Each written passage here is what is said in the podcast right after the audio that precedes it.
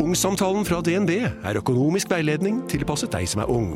Bokk en ungsamtale på dnb.no. ung. Ok, det var jo en syk døll måte å forklare ungsamtalen på, da. En smart prat om penga mine, ville jeg sagt. Ikke sånn kjedelig økonomisprat, skjønner du.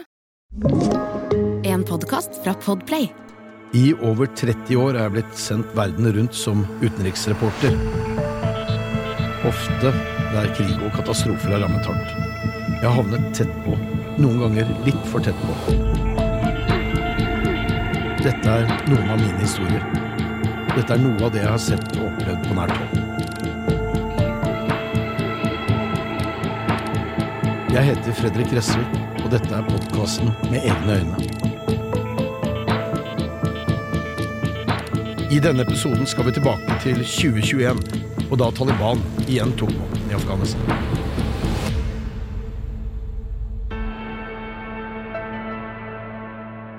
Det tyrkiske passasjerflyet lå i marsjhøyde helt til det var omtrent rett over den afghanske hovedstaden.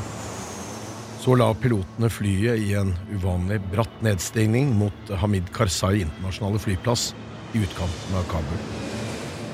Sikkerhetssituasjonen i området rundt storbyen hadde endret seg dramatisk de siste dagene og timene. Før avgang fra Istanbul sent på kvelden 14. august 2021 kom meldingen om at Taliban bare sto én mil utenfor Kabul.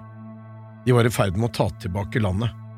20 år etter at amerikanerne sammen med Nato-allierte og lokale geriljagrupper hadde kastet Taliban ut av regjeringskontorene. Det var ikke mange passasjerer om bord, og vi som satt der, var i all hovedsak journalister på vei inn for å dekke det som skulle bli en svært dramatisk amerikanskledet tilbaketrekking etter to tiår med krig. En krig amerikanerne og USAs allierte rett og slett var i ferd med å tape. Omtrent samtidig som morgensolen traff Kabul, landet det som skulle vise seg å bli det siste sivile passasjerflyet på en stund. De neste timene gikk inn i historiebøkene. Egentlig hadde jeg planlagt reisen til Afghanistan lenge. Vi visste at amerikanerne, så vel som de norske styrkene, skulle ut i løpet av høsten 2021. Alt i henhold til en avtale Taliban og administrasjonen til president Donald Trump hadde inngått våren i forveien. Gjennom sommeren tydet alt på at den militære tilbaketrekkingen skjøt fart og ville skje tidligere. Taliban utnyttet anledningen til å ta tilbake makten en rekke steder. Dette var deres øyeblikk. De hadde ventet på det riktige tidspunktet da de amerikanskledede styrkene knapt hadde soldater igjen på bakken. Derfor framskyndet jeg reisen i håp om å få gjennomført noen reportasjer om den spente situasjonen i det krigsherjede landet, og så reise ut igjen før Taliban eventuelt forsøkte seg på å ta Kabul. Men nå ante det meg at det kunne bli svært dramatisk allerede mens jeg var i Afghanistan. Ved den nedslitte flyplassen bar det raskt gjennom passkontrollen. Visumet ble sjekket av to politimenn, sånn for å være helt på den sikre siden. I løpet av de neste timene skulle begge stå uten arbeid. Min lokale kontakt ventet på parkeringsplassen og kjørte meg til et hotell mellom sentrum og flyplassen. Normalt tok jeg inn på Serena hotell i den afghanske hovedstaden.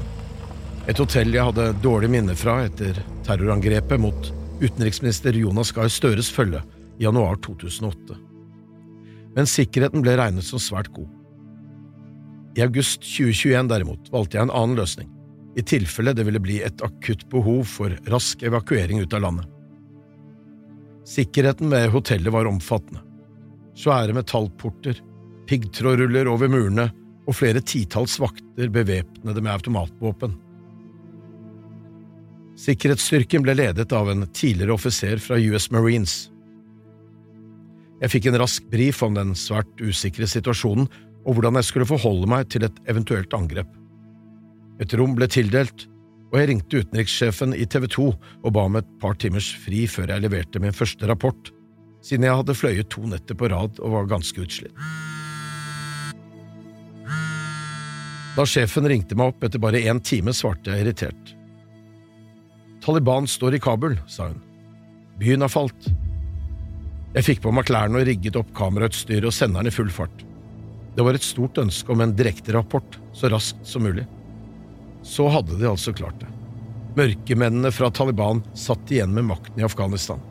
Det virket som om eh, absolutt alt hadde gått så galt for afghanerne som det i det hele tatt kunne gjøre. Mange tiår med krig og nå dette. Skulle afghanerne tvinges tilbake til middelalderen slik Taliban hadde gjort tidligere? Eller hadde organisasjonen endret karakter? Modernisert seg bitte litt? Svaret har vi nå. For å forstå hvor Taliban kom fra, er det viktig å skru tiden litt tilbake. Etter at eh, mørket hadde senket seg over Kabul julaften 1979, buldret de første Antonov militærtransportflyene inn over de mektige fjellene som omkranset afghanernes hovedstad.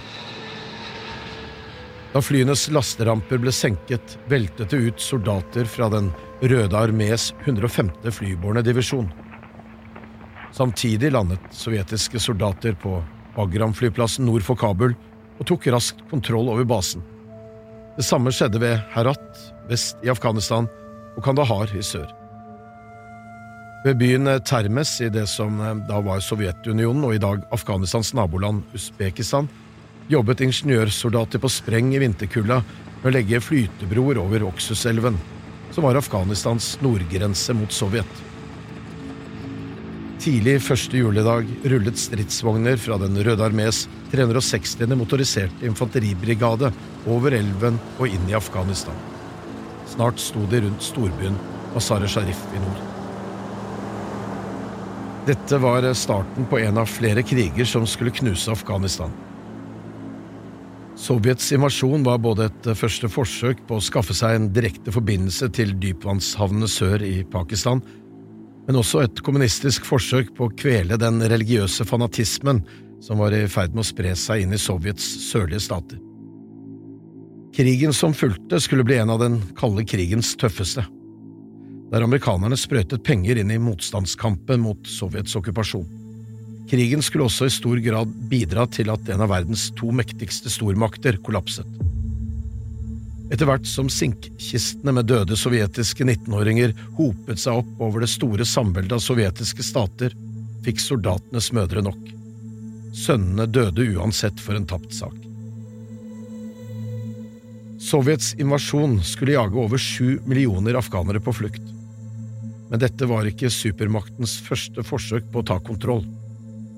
Helt siden midten av 60-tallet hadde Sovjet forsøkt å få innflytelse over afghansk politikk ved å støtte det afghanske kommunistpartiet. Da antikommunistiske krefter tok makten fra den afghanske kongen på 70-tallet, økte bekymringen i Kreml. Mye ble satt inn på å smøre de nye makthaverne. Men eh, Afghanistan har alltid vært et nærmest håpløst land å kontrollere. Geografien med de enorme fjellmassivene var én sak, de mange etniske gruppene en annen. Historien mangler ikke på de som har prøvd. Alexander den store, Djengis Khan, persere, arabere, tyrkere og sentralasiatiske stammer. For ikke å snakke om britene. En ung britisk løytnant ved navn Vincent Churchill kunne allerede på slutten av 1800-tallet konkludere med at i særdeleshet et folkeslag var så å si umulig å få has på, pastonerne. Jo mer motstand de møtte, jo sterkere bånd knyttet de seg imellom. Sovjet gjorde det de kunne for å smøre Afghanistans store mann på 70-tallet, tidligere hærfører og statsminister Mohammed Daoud. Men Daouds popularitet var synkende, og da presidenten så seg om etter andre samarbeidspartnere, mistet Kreml tålmodigheten og slo til. Afghanske marxistiske offiserer gjennomførte et kupp i 1978. Det hele endte i en blodig borgerkrig. Titusener ble drept. Nyheter om massakre dukket stadig opp. Landet var i ferd med å kollapse. Bak Kremls røde murer skulle de fire siste sovjetiske lederne oppleve Afghanistan som det store marerittet. Leonid Brezjnev, Jurij Andropov, Konstantin Tsjernenko og Mikhail Gorbatsjov. Afghanernes ulykke var å være plassert på Sovjets dørstokk. Da sovjetiske styrker invaderte Afghanistan julaften 1979, besto Den røde armé av nærmere 3,7 millioner personer. Rundt halvparten var soldater og offiserer. Selve invasjonsstyrken, som nå hadde fått navnet Den 40. armé, besto av 85 000 mann. Langt flere skulle delta i krigen de neste ti årene. De burde jo egentlig klare det. Etter invasjonen innsatte Moskva et marionetteregime, og trodde vel først at krigen var vunnet. Men så strømmet islamister fra hele den muslimske verden til Afghanistan for å kjempe sin hellige krig, jihad. I USA ble det massemobilisert med våpen og penger for å hjelpe afghanere og fremmedkrigere i kampen mot kommunismen. En av islamistene som nøt godt av den amerikanske støtten, var den saudiarabiske geriljalederen Osama bin Laden.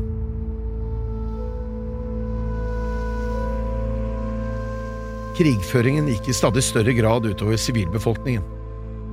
Store jordbruksområder ble minelagt med personellminner. Krigsmotstanden økte, og stadig nye fremmedkrigere kom reisende for å bekjempe Sovjetunionens krigere.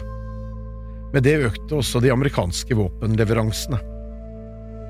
En av de etter hvert mest kjente av de afghanske motstandskjemperne holdt til i den vakre og trange Panjshirdalen nordøst i landet. Løven fra Panjshir ble han kalt.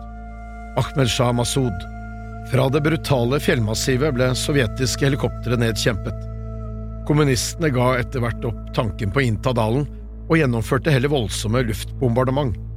Barn ble drept, og motstandsviljen økte. Også i Sovjet gikk de lei. De mange kistene med døde, unge menn som kom hjem fra krigen, fikk mødrene til å ta til gatene for å protestere. Dette gikk ikke lenger. Sovjetunionen knaket i sammenføyningene. Verdenssamfunnet presset på og krevde at krigshandlingene stanset. Millioner av mennesker var på flukt internt, og mange hadde reist til nabolandene.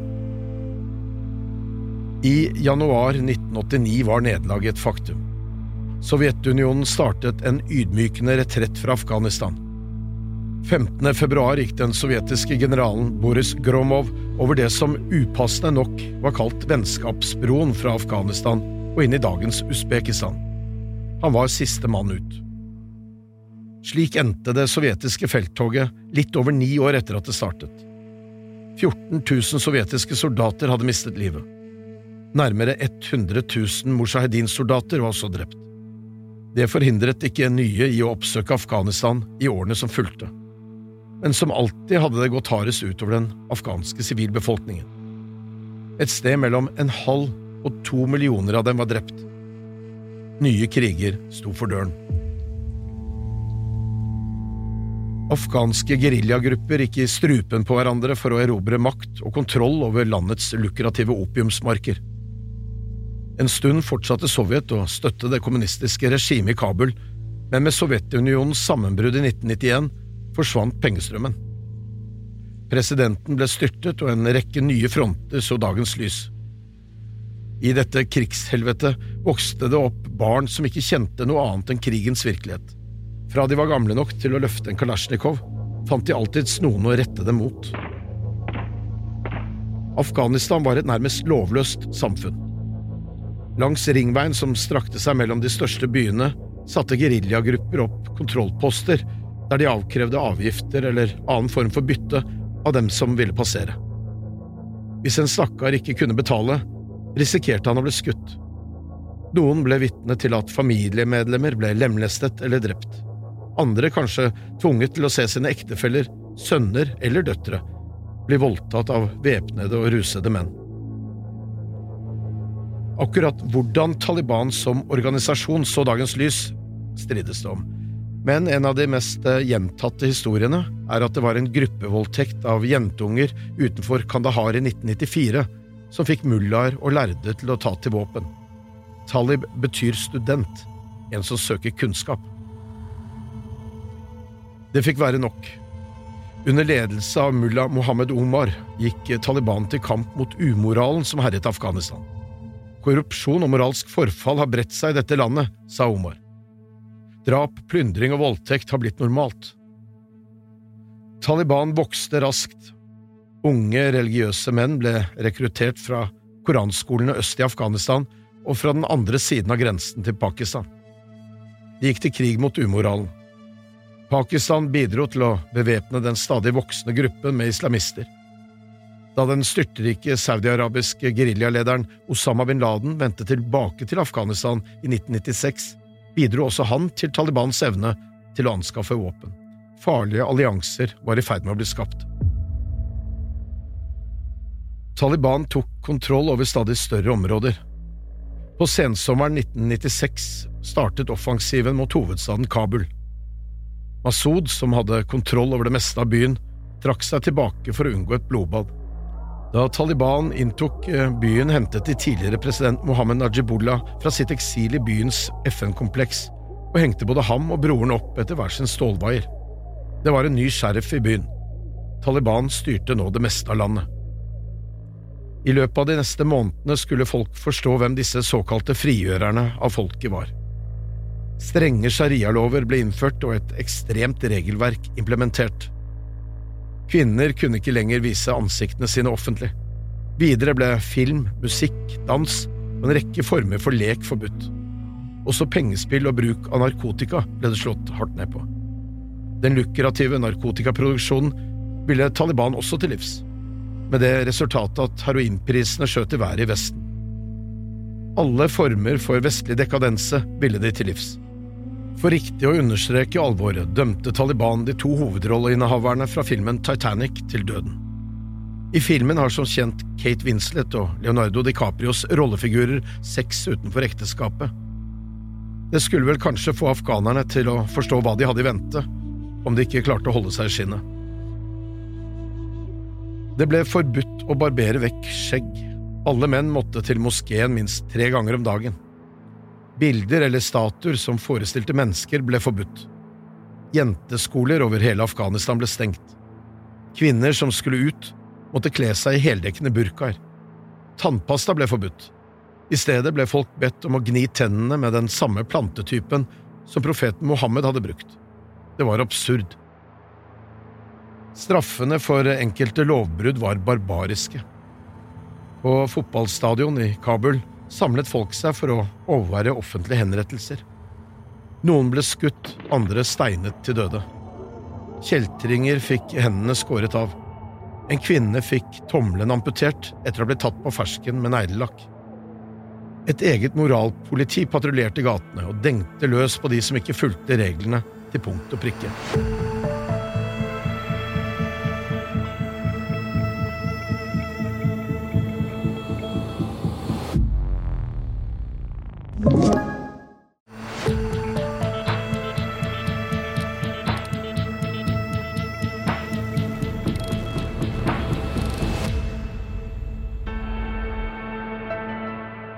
For å skaffe seg ekstra legitimitet som Afghanistans religiøse overhode gikk mulla Omar en aprildag i 1996 inn i et mausoleum i Kandahar som inneholdt rester av det som skal ha vært en kappe etter profeten Mohammed. Kappen hadde visstnok bare vært vist fram et par ganger de siste hundre årene, og da kun til et fåtall mennesker. Den enøyde mullaen tok kappen med seg opp på taket av mausoleet og la den rundt seg. Folkemengden jublet mens han spradet rundt med kappe og turban og talte til de fremmøtte. De fikk en religiøs opplevelse langt utenom det vanlige. Noen besvimte. Andre kastet egne eiendeler mot mullaen i håp om at disse skulle komme i kontakt med kappen, og med det sørge for at de ble velsignet. Begeistringen var enorm, og seansen ble filmet. Talibans fanatisme var i tråd med pensum på de religiøse skolene i Pakistan og Afghanistan. Studentene var unge menn, mange av dem uten særlige fremtidshåp. Fattige flyktninger med fanatiske mullaer som rollemodeller. Det la grobunn for ekstremisme og vilje til å gjennomføre handlinger som kunne være livsfarlige. Talibans forskrudde kvinnesyn ble begrunnet med at det var viktig at gutter og menn ikke ble utsatt for fristelser som kunne føre til overgrep og voldtekter. Kvinnene skulle aller helst holde seg hjemme, og dro de ut, burde det aller helst være følge med en mannlig slektning. Resultatet var at kvinnene ble sparket fra arbeidsplassene, og med det mistet mange enker helt nødvendig inntekt. En av dem var den vakre firebarnsmoren og læreren Suaira. Hun fortalte meg hvordan hun og barna en kald vinterdag i 1997 ble satt på gaten av huseieren. Løsningen ble å flykte til nabolandet Pakistan. Da jeg traff henne, hadde hun bodd i et telt i en leir i nesten fem år. Forakten for Talibans behandling av egen befolkning vokste i verden, ikke minst i vestlige land, men gruppen fikk begrenset oppmerksomhet. I mars 2001 snudde dette da de sprengte to buddha-statuer i Bamyan-provinsen. De 37 og 55 meter høye statuene som var hugd ut i fjellet, hadde stått der i rundt 1500 år. Den internasjonale fordømmelsen var enorm.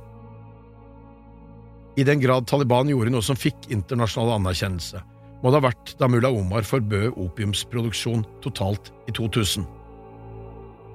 Taliban ga terrorgruppen Al Qaida og nettverkets leder Osama bin Laden tillatelse til å etablere seg i Afghanistan for å drive trening og opplæring av krigere. Det kunne ha vært begynnelsen på slutten for Taliban.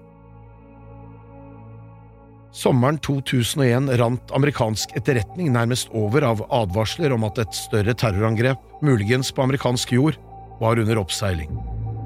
I begynnelsen av september tok Talibans utenriksminister kontakt med en amerikansk diplomat i den vestpakistanske byen Peshawar og forsøkte å forklare at eh, Al Qaida hadde brutale planer. Taliban-ledelsen var fullstendig klar over at et terrorangrep ville bli hevnet, og at hevnen ville bli rettet mot Afghanistan så lenge de lot bin Laden få operere der.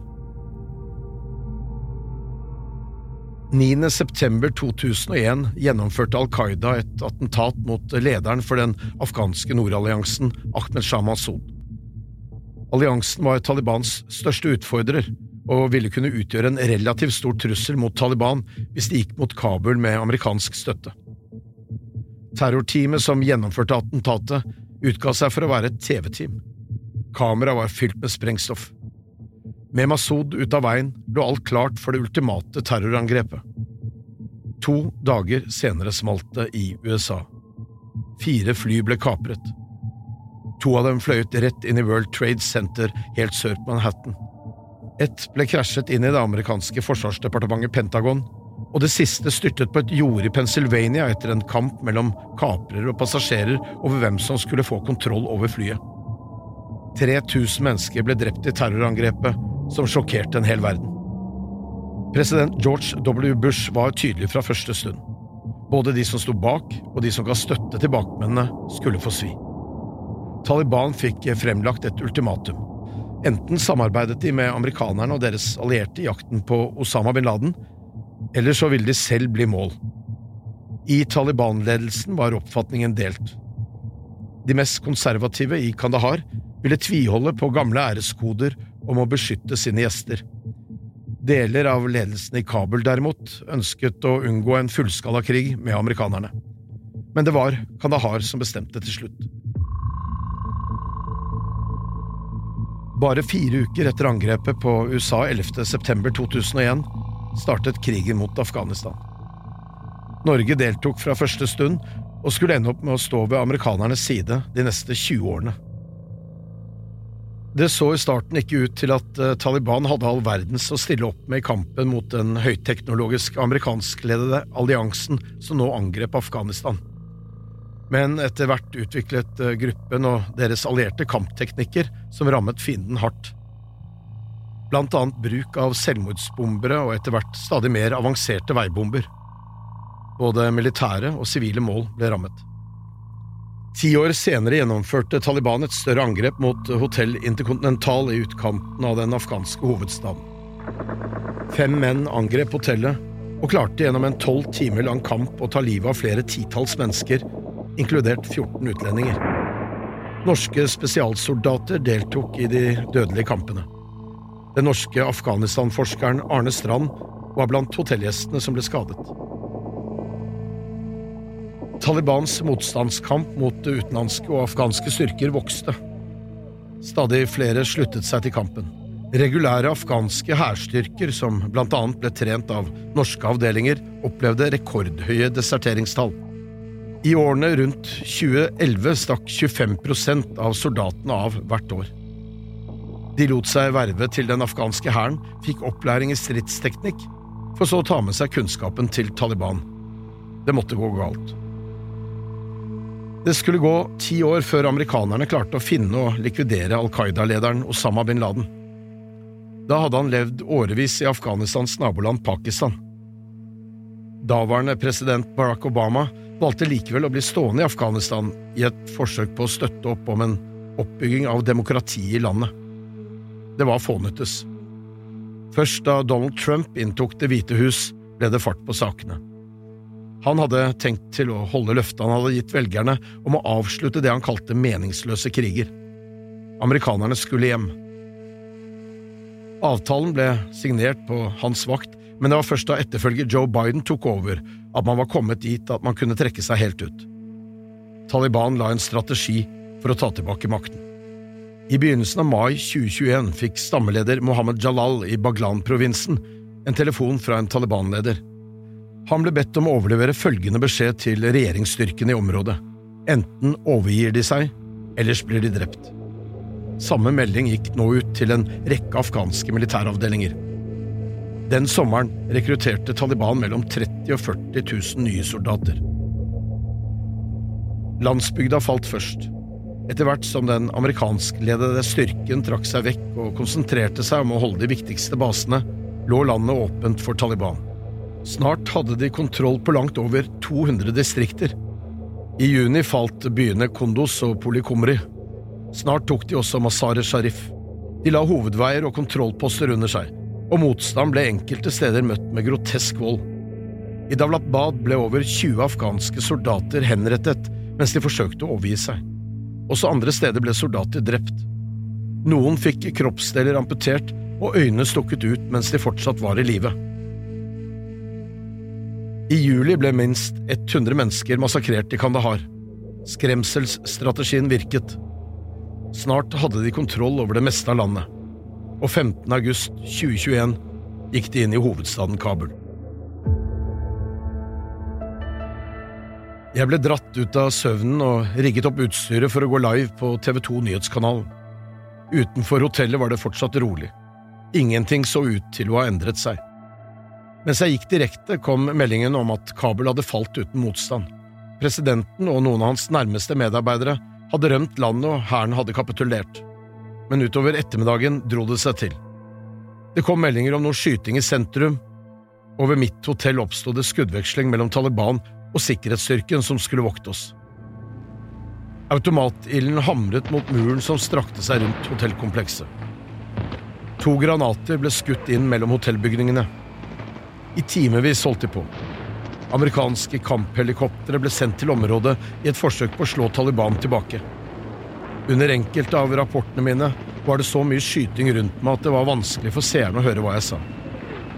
Etter noen timers kamp kjørte vaktene frem en flåte skuddsikre biler og forberedte evakuering. Hvor mange av oss som fikk plass, var uvisst, men noen måtte bli igjen. Jeg forberedte meg på at Taliban kunne innta hotellet mens jeg fortsatt var der.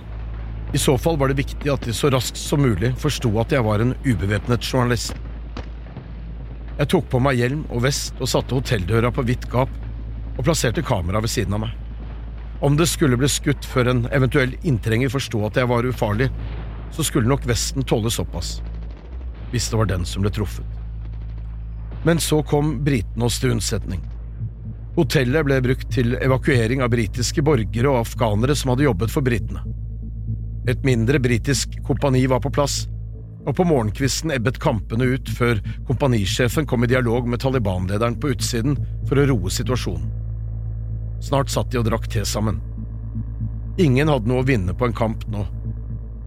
Hovedproblemet nå var at mengder med afghanere presset på for å komme seg inn på et av evakueringshotellene eller flyplassen, i håp om å komme om bord på en av de militære flightene som fraktet ut mannskap og utstyr.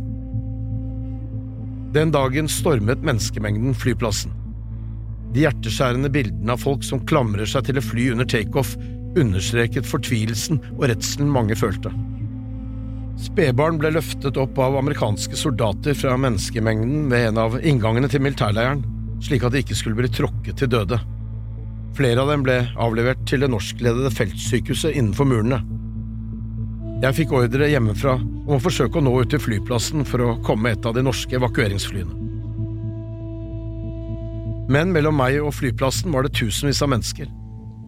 Ved første forsøk på å gå ut porten stormet mange av dem til meg for å be om hjelp til å komme seg vekk. Viftende med dokumenter som forklarte at de hadde jobbet for en ambassade eller de internasjonale styrkene. En gruppe norske spesialsoldater var sammen med diplomater og folk fra politiets utlendingsenhet nå på plass på feltsykehuset for å få ut norske borgere og afghanere med sterk tilknytning til Norge. Et intenst arbeid ble iverksatt for å få disse inn til leiren på en sikker måte. Sent en kveld gjorde britene seg klare til å kjøre fra hotellet mitt til flyplassen med afghanere som skulle evakueres. Majoren lot meg få en plass, og jeg hoppet inn. Det bar ut gjennom porter og sikkerhetssluser, nedover hovedveien til flyplassleiren og mellom store betongmurer satt opp for å sikre biler på vei inn og ut av sikkerhetskontrollen. Vi ble vinket gjennom, og jeg ble kjørt rett bort til det norske sykehuset. Jeg ringte på en klokke ved akuttmottaket og ble møtt av en forbauset norsk sykepleier som ønsket meg velkommen inn. Store Taliban-styrker var nå ankommet Kabul, og de hadde tatt full kontroll. Tyrkiske, norske, britiske og amerikanske styrker hadde mer eller mindre trukket seg helt inn i basen ved flyplassen. Dokumenter og computere ble makulert. Bager pakket og militære lastefly gikk nå i skyttel til landene i regionen. For et nederlag etter 20 år med krig. En krig amerikanerne trodde de hadde vunnet for lengst. Afghanerne hadde fått nye makthavere. Taliban var tilbake. Jeg fikk tildelt en seng og et rom på en av de utflytta soldatbrakkene. Etter et par dager var et C-17 lastefly klar til å ta noen av oss ut. Et par journalister, hjelpearbeidere, noen soldater og afghanere. I ly av nattemørket ble vi løftet opp mot himmelen og fløyet til Georgia, der et chartret passasjerfly sto og ventet på å frakte oss til Norge.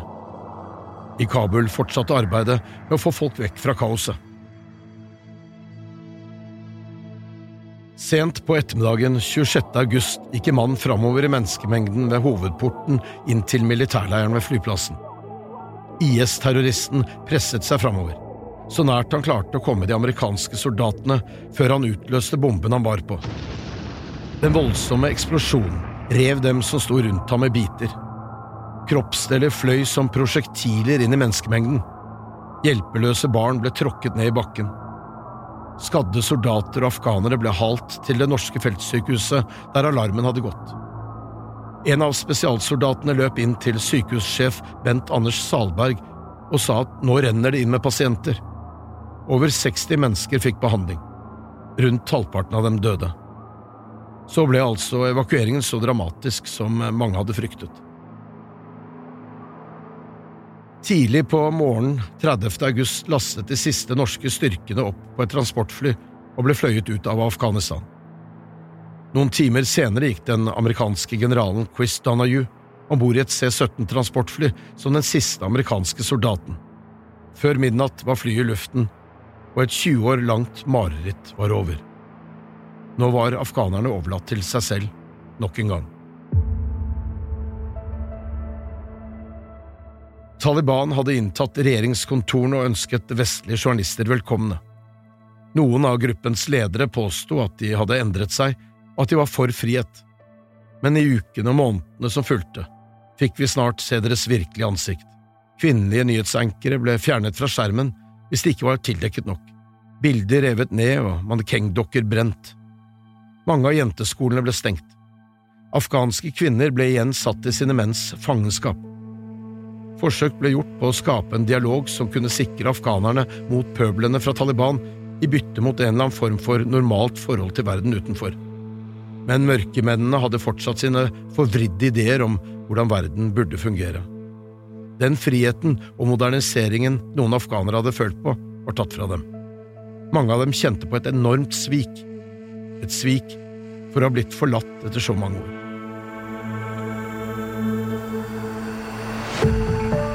Fredrik Gressvik med egne øyne er produsert av Bauer Media. Produsent for podkasten er Thomas Alsaker.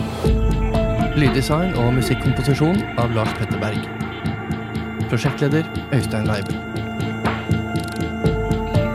Hør flere episoder av denne podkasten gratis på podplay.no.